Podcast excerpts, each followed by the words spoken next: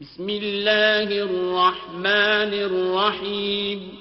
شروع اللہ کے نام سے جو بڑا مہربان نہایت رحم والا ہے۔ آمین۔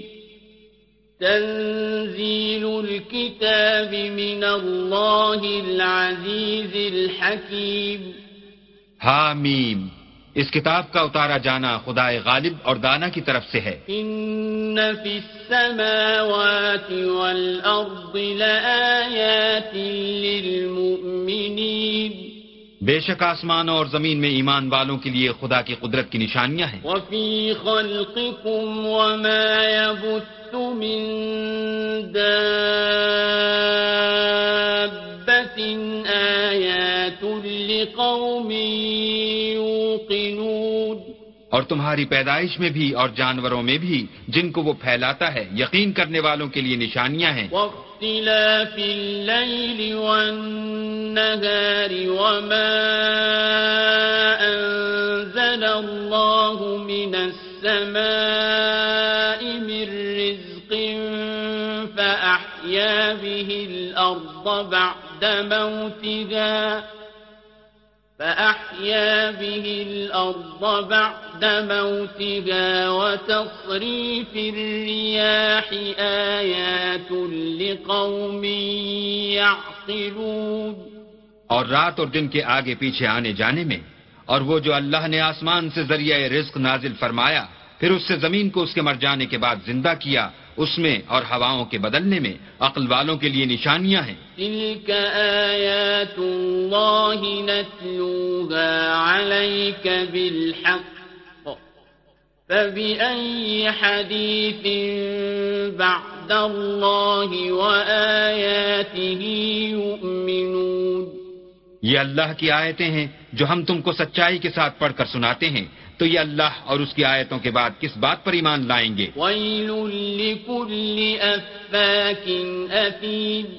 ہر جھوٹے گناہ گار پر افسوس ہے۔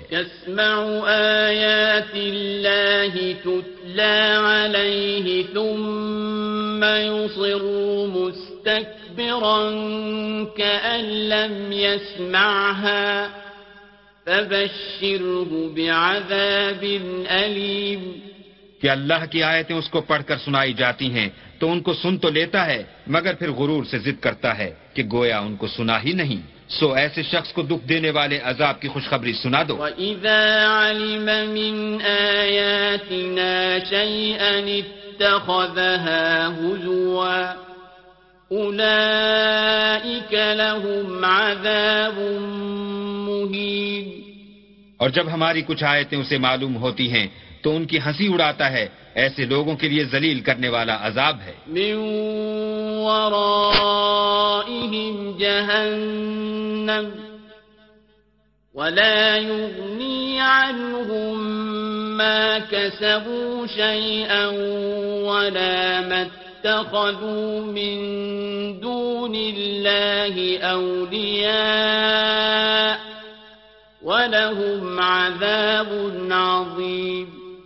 ان کے سامنے دوزخ ہے اور جو کام وہ کرتے رہے کچھ بھی ان کے کام نہ آئیں گے اور نہ وہی کام آئیں گے جن کو انہوں نے اللہ کے سوا معبود بنا رکھا تھا اور ان کے لیے بڑا عذاب ہے۔ هذا هدى والذين كفروا بآيات ربهم لهم عذاب من رجز أليم یہ ہدایت کی کتاب ہے اور جو لوگ اپنے پروردگار کی آیتوں سے انکار کرتے ہیں، ان کو سخت قسم کا درد دینے والا عذاب ہوگا۔ الله الذي سخر لكم البحر لتجري الفلك فيه بأمره ولتبتغوا من فضله ولعلكم تشكرون اللہ ہی تو ہے جس نے دریا کو تمہارے قابو میں کر دیا، تاکہ اس کے حکم سے اس میں کشتیاں چلیں اور تاکہ تم اس کے فضل سے معاش تلاش کرو اور تاکہ شکر کرو۔ وسخر لكم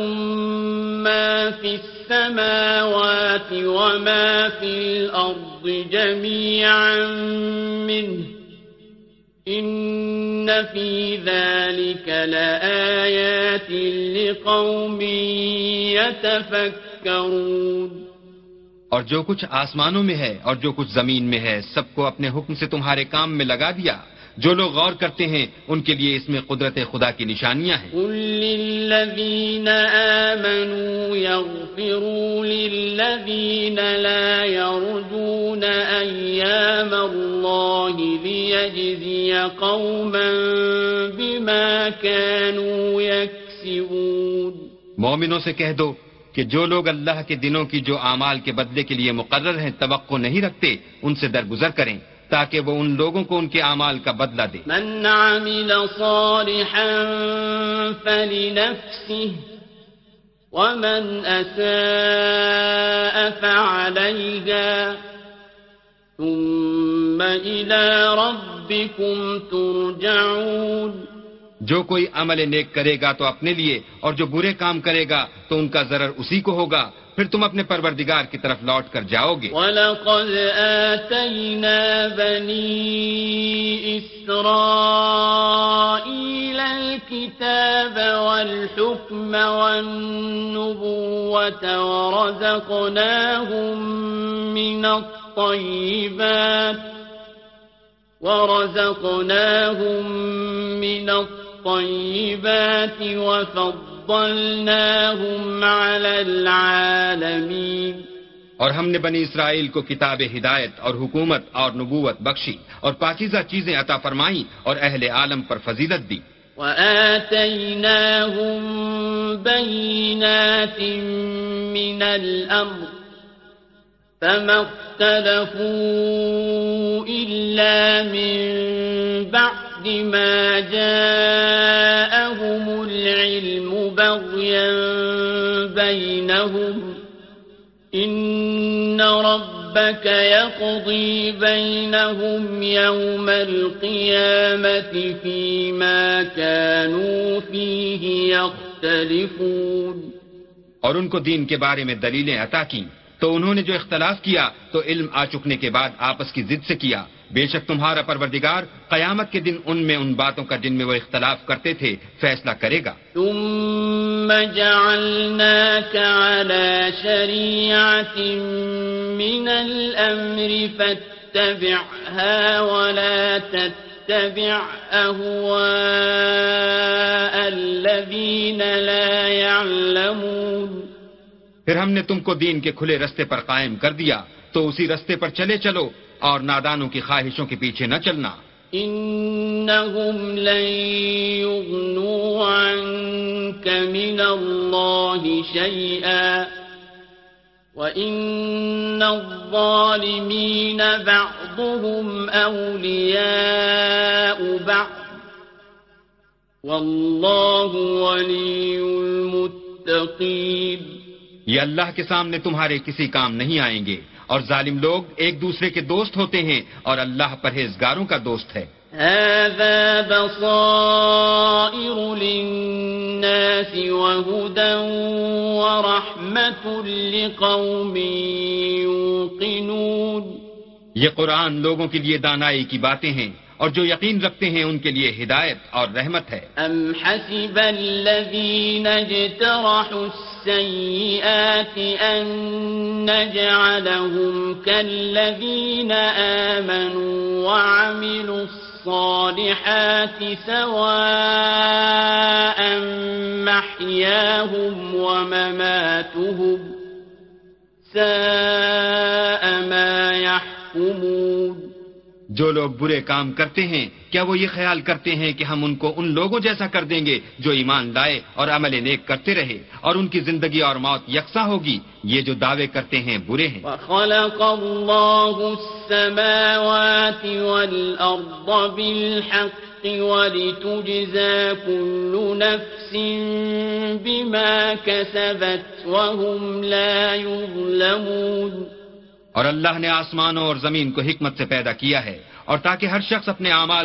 کا بدلہ پائے اور ان پر ظلم نہیں کیا جائے گا افرأيت من اتخذ إلهه هواه وأضله الله على علم وقتم على سمعه وقلبه وجعل على بصره غشاوة وجعل على بصره غشاوة فمن يهديه من بعد الله أفلا تذكرون بھلا تم نے اس شخص کو دیکھا جس نے اپنی خواہش کو معبود بنا رکھا ہے اور باوجود جاننے بوجھنے کے گمراہ ہو رہا ہے تو اللہ نے بھی اس کو گمراہ کر دیا اور ان کے کانوں اور دل پر مہر لگا دی اور اس کی آنکھوں پر پردہ ڈال دیا۔ اب اللہ کے سوا اس کو کون راہ پر لا سکتا ہے؟ تو کیا تم نصیحت نہیں پکڑتے؟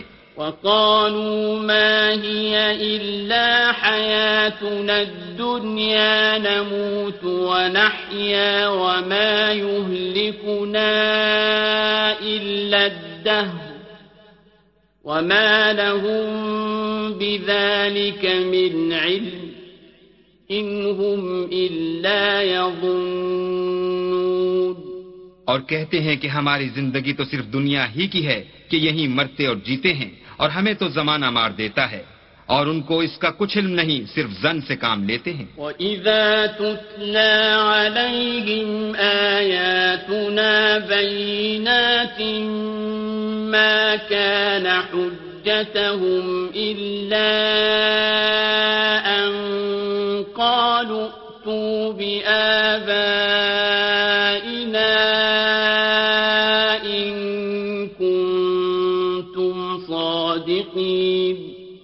اور جب ان کے سامنے ہماری کھلی کھلی آیتیں پڑھی جاتی ہیں، تو ان کی یہی حجت ہوتی ہے کہ اگر سچے ہو تو ہمارے باپ دادا کو زندہ کر لاؤ۔ قل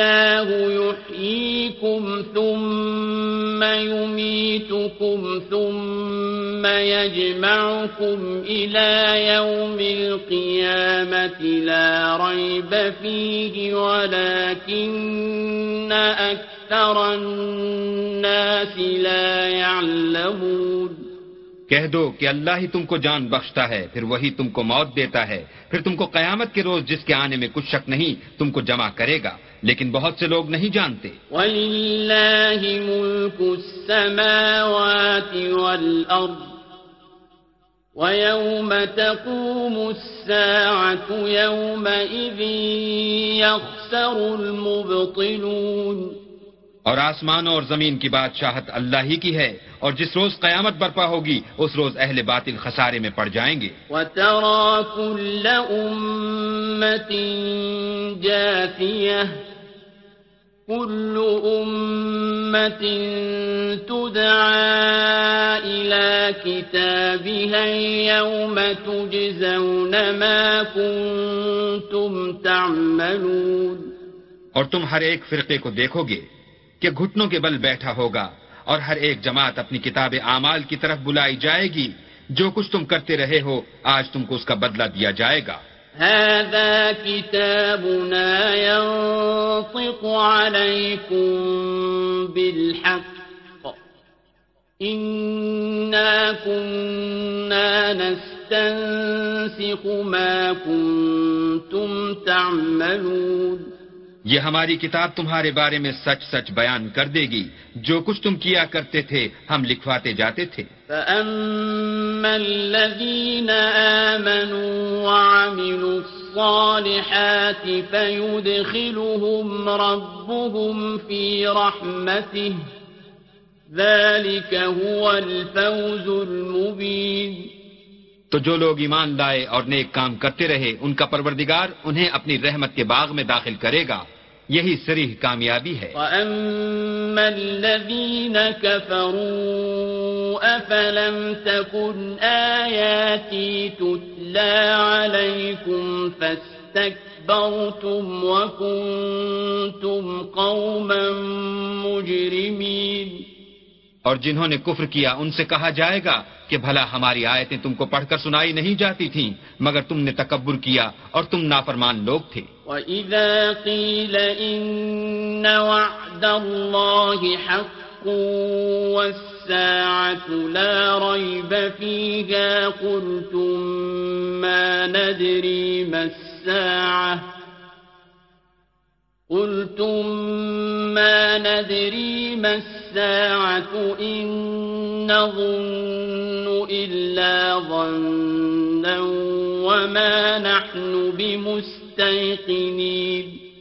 اور جب کہا جاتا تھا کہ اللہ کا وعدہ سچا ہے اور قیامت میں کچھ شک نہیں، تو تم کہتے تھے ہم نہیں جانتے کہ قیامت کیا ہے۔ ہم اس کو محض زنی خیال کرتے ہیں اور ہمیں یقین نہیں آتا۔ وبدا لهم سيئات ما عملوا وحاق بهم ما كانوا به يستهزئون۔ اور ان کے اعمال کی برائیاں ان پر ظاہر ہو جائیں گی اور جس عذاب کی وہ ہنسی اڑاتے تھے وہ ان کو آ گھیرے گا۔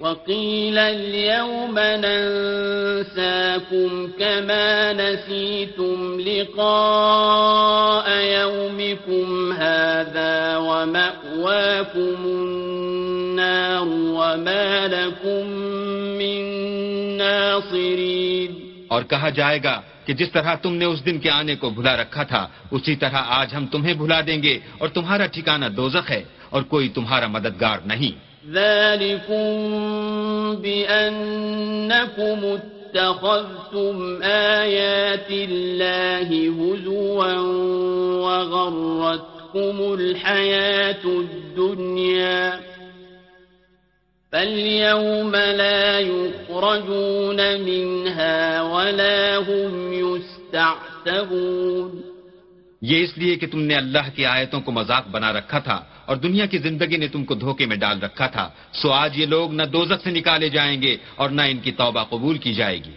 فَلِلَّهِ الْحَمْدُ رَبِّ السَّمَاوَاتِ وَرَبِّ الْأَرْضِ رَبِّ الْعَالَمِينَ۔